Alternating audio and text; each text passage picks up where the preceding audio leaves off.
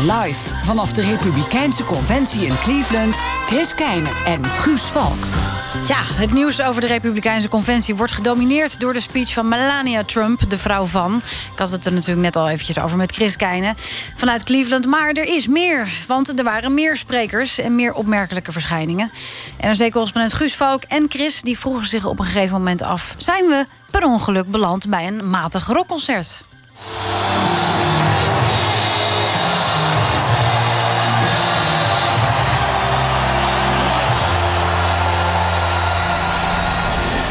Ja, Guus, daar was hij eindelijk vanavond op het podium. Uh, alleen nog maar om zijn vrouw aan te kondigen. Maar uh, ja, we, we, zijn begonnen. De eerste dag zit erop. Wat was jouw gevoel?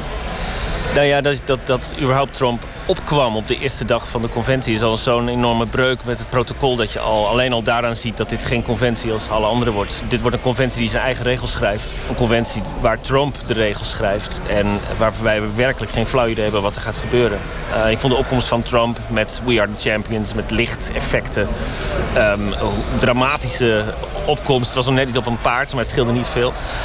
Uh, dat vond ik al zo uh, veelzeggend over hoe centraal Trump in deze, deze conventie staat. Het gaat helemaal niet over de conservatieve beweging. Het gaat niet over de partij. Het gaat maar over één iemand. Dat is Trump zelf. Ja, dat merkte je ook in de stad, hè? Ja, ik was bij een uh, pro-Trump demonstratie... die niet heel toevallig hier in Cleveland gehouden werd. Um, daar kwamen allemaal sprekers uit het Trump-kamp, zal ik maar zeggen. Zoals Roger Stone, dat is een van zijn belangrijkste adviseurs. Um, die daar dus een één grote, ja, je zou bijna kunnen zeggen... viering van het Trumpisme hadden met z'n allen. Een, een aaneenschakeling van, van complottheorieën, van, van verhalen over Hillary Clinton... waarom die achter de tralies moet. Um, ik ben wel wat gewend in, in conservatieve Amerika. Maar dit ging echt heel erg ver. Ja. Roger Stone bijvoorbeeld uh, beschuldigde Clinton van moord op een, op een oud medewerker. Dat is een, een oud verhaal ja. um, uit de jaren negentig opgediept. En heel opvallend dat dat heel erg veel applaus kreeg. En, en, dat mensen daar echt weer heel enthousiast van worden. Die overheersing van Trump van de partij... Die, die bleek ook smiddags al op de vloer in de arena. Toen het, zeg maar, het officiële gedeelte vanmiddag... eigenlijk het enige wat een beetje op een Nederlands partijcongres lijkt... waar er over moties gestemd moet worden enzovoort. Daar probeerden de mensen die de Trump-kandidatuur nog tegen probeerden te houden... probeerden in stemming te brengen dat dat misschien nog mogelijk zou zijn. Wat gebeurde daar precies? het was opeens heel chaotisch en wild uh, op die vloer. Uh, want normaal, ja goed, er wordt over procedurele kwesties uh, gepraat en gestemd. Dat is meestal niet zo interessant. Maar opeens lag daar dus het verzoek om een roll call... een soort van hoofdelijke stemming... Ja. waarbij mensen ja en nee roepen. en je dus. Precies, en dus mensen naar hun geweten kunnen stemmen... in plaats van wat ze moeten stemmen. Um, dat lag daar opeens op tafel door elf staten ingediend... Waar, waar Ted Cruz ooit had gewonnen. Dat was natuurlijk een klein bommetje onder het grote Trumpfeest. Um, en dat werd opvallend snel en makkelijk eigenlijk van tafel geveegd. Door een heleboel mis te creëren, door een heleboel ingewikkelde regels te komen.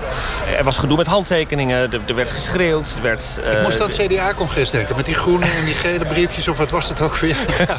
het had daar wel iets van, ja. ja. Het, het, was chaotisch, het was, het was naar. Er werd geroepen. Ik zag Ken Cuccinelli, uh, dat is een, een, belangrijke pion van Ted Cruz... die daar op de zaal stond, die, die heel demonstratief zijn toegangspas op de grond smeet. En uh, als een soort van gebaar van ik wil hier niet meer bij horen. Ik sprak wat gedelegeerden na afloop die het gevoel hadden dat de partijtop uh, met Trump onder één hoedje heeft gespeeld. En eigenlijk zeg maar, de conservatieve vleugel van de partij probeert weg te rangeren. Ja. Dat is een populaire theorie onder deze uh, Never Trump mensen.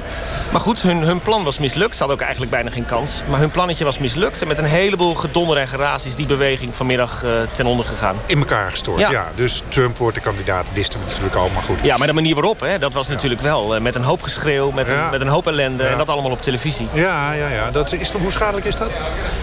Ik weet het niet. Ik, ik, ik, ik denk behoorlijk schadelijk. Het was natuurlijk niet s'avonds als, als heel Amerika zit te kijken. Maar dit zijn toch niet de beelden die de Republikeinse Partij wil zien. Hè? Nee. De, de, hele avond, het is voor het eerst dat ik op zo'n conventie ben. Ik heb het hele avond het programma uitgezeten. Dat ging allemaal over Make America Safe Again. Het ging lang over Benghazi, twee militairen die daar uh, gevochten hadden. Een heel lang verhaal. Ik vond het stom vervelend. Is dit wat Amerika wil, Amerika wil zien op primetime? Waarom vond je het stom vervelend? Omdat het lang duurde. Ja, ja, ja, ja, ja. Ja, het is, eh, ja maar ja, je, moet niet meer, je moet niet vergeten... Kijk, mensen gaan natuurlijk niet de hele avond zitten kijken. Die schakelen even in en dan schakelen ze weer uit. En dan, dus, dus jij hoort tien keer achter elkaar dat, dat Hillary Clinton naar de gevangenis moet. Maar, maar een Amerikaan ziet het waarschijnlijk maar één keer. Hmm. Dus, uh, maar je hebt wel gelijk, het, het, het, het ging vrij nou vlekkeloos. Donald Trump had een grote show voor, ja. voorspeld. Hè? Dit zou de, uh, de geweldige televisiemaker Trump zou hier ook zichtbaar waren. Nou, dat heb ik niet gezien. Nee, nee, nee, nee. Maar dan zie je ook wat zich breekt. Is dat het gewoon een, een C-garnituur sprekers. Wat ze, wat ze hadden. De enige die nog echt um, de zaal in vervoering kreeg, zou je kunnen zeggen, was Rudy Giuliani. De oud-burgemeester van New York. Ja. Oud-presidentskandidaat. Nou, die, die stond uh, naar een partij te schreeuwen. Enge hysterische man, vond ik het. Hij wordt een beetje oud ook, heb ik het gevoel. Mm. het wordt een beetje een parodie op zichzelf. Maar de mensen vonden het enig en vonden zijn geschreeuw schitterend. Er was nog één spreker die mij opviel. En een, een thema wat me wel opviel, daar wil ik het tot slot dan even over hebben. Um, de populariteit van Trump onder zwarte Amerikanen is buitengewoon laag. Min, min 99 geloof ik. 99 procent ziet hem niet zitten, om het simpel te zetten. Vanavond sprak David Clark en die zei onder meer dit. Ladies and gentlemen, I would like to make something very clear. Blue lives matter in America. Het is een zwarte politieman die zich heel veel verzet tegen die beweging uh, die, die in actie komt tegen het doden van veel zwarte jonge mannen door de politie. Black Lives Matter. Hij zegt Blue Lives Matter. En niet zo'n beetje ook. Hè? Wat, ja. wat, wat moet hij symboliseren op zo'n avond? Hij moet vooral, denk ik, het gevoel bij de Republikeinen wegnemen... dat het instinctief opnemen voor de politie... en het instinctieve afkeer van Black Lives Matter... dat dat een raciale kwestie is. Want een Republikein vindt het natuurlijk niet leuk om het verwijt te krijgen... dat hij een racist is. Dat verklaarde denk ik ook wel een hoop van het enthousiasme in de zaal voor deze man. Ik denk als daar een uh, blanke commissaris had gestaan... dan had het heel anders uitgezien dan... Ja, goed, en nu had je, hadden de Republikeinen het gevoel van... kijk, zie wel, hij zegt het ook. En heel veel zwarten zullen dit ook vinden... maar die durven het niet te zeggen. Nee. Mij viel het toch op dat er, dat er nog aardig wat zwarte mensen rondliepen ook op de conventie. Ik heb één mevrouw gesproken, die, die had een t-shirtje aan met I'm one of his Afro-Americans. Uh, en die zei dit toen ik haar vroeg of ze niet eenzaam was als zwarte op zo'n plek. It doesn't make me feel lonely because I know that there are others out there. They're just afraid to speak out. You know, they're afraid to be called, you know, an Uncle Tom, an Aunt Jane, a coon, you know, the N word or, or whatever. They're afraid to lose endorsements or their job position, their friends on Facebook. They're afraid to lose likes on social media and all that other stuff. And it's like, that doesn't matter to me. So we might be in for a surprise in November. I think that either way it's going to be a surprise. It's either going to be him or what honestly I'm dreading, which is Barack Obama pulling some kind of stunt and uh, declaring martial law, thus suspending the campaign and extending his term. He's been hinting at it. He's been joking about it. But I think there's something there. You know, when they say, where there's smoke, there's fire, I'm seeing a lot of smoke. I'm hoping there's no fire, but I, all I'll say is I'm seeing a lot of smoke.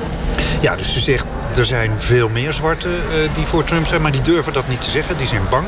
Toen zei ik, krijgen we dus een verrassing in november... doelend op een mogelijke uh, positieve uitslag onder de zwarte bevolking voor Trump. En toen kwam ze met een hele rare theorie dat Barack Obama misschien nog wel de noodtoestand gaat uitroepen... en de verkiezingen onmogelijk gaat maken enzovoort. Is natuurlijk volstrekt de flauwekul, maar het is in Nederland vaak zo moeilijk uit te leggen. Er zijn veel mensen in Amerika die dit soort dingen geloven. Ja, en, en, dat, en dat verklaart denk ik ook de populariteit van Donald Trump. Trump is natuurlijk radicaal, maar hij is eigenlijk een, een soort van verlengstuk... van de denkrichting die de Republikeinse Partij al jaren geleden heeft ingezet. Dit denken in complottheorieën is niet van gisteren en is niet van Trump. Dat is al heel lang daarvoor begonnen. Um, wat Trump doet, is dat nog groter maken, nog centraler maken. Um, dus wat deze mevrouw zegt, sluit er ook heel erg op aan. Dat, dat, dat Obama eigenlijk uh, misschien uit is op een koep en zo. Maar er zijn al heel veel republikeinen die dit al heel erg lang vinden. Dus dat verklaart ook wel het succes, denk ik, van Donald Trump. Hij parasiteert eigenlijk op een richting die de partij heeft ingezet... en waar ze nu misschien wel een beetje spijt van hebben... omdat dit het resultaat is. Uh, Donald Trump aan het roer. Maar hij is eigenlijk het eindstation van een bepaalde richting. Oké. We kijken morgen verder, Guus. Dankjewel.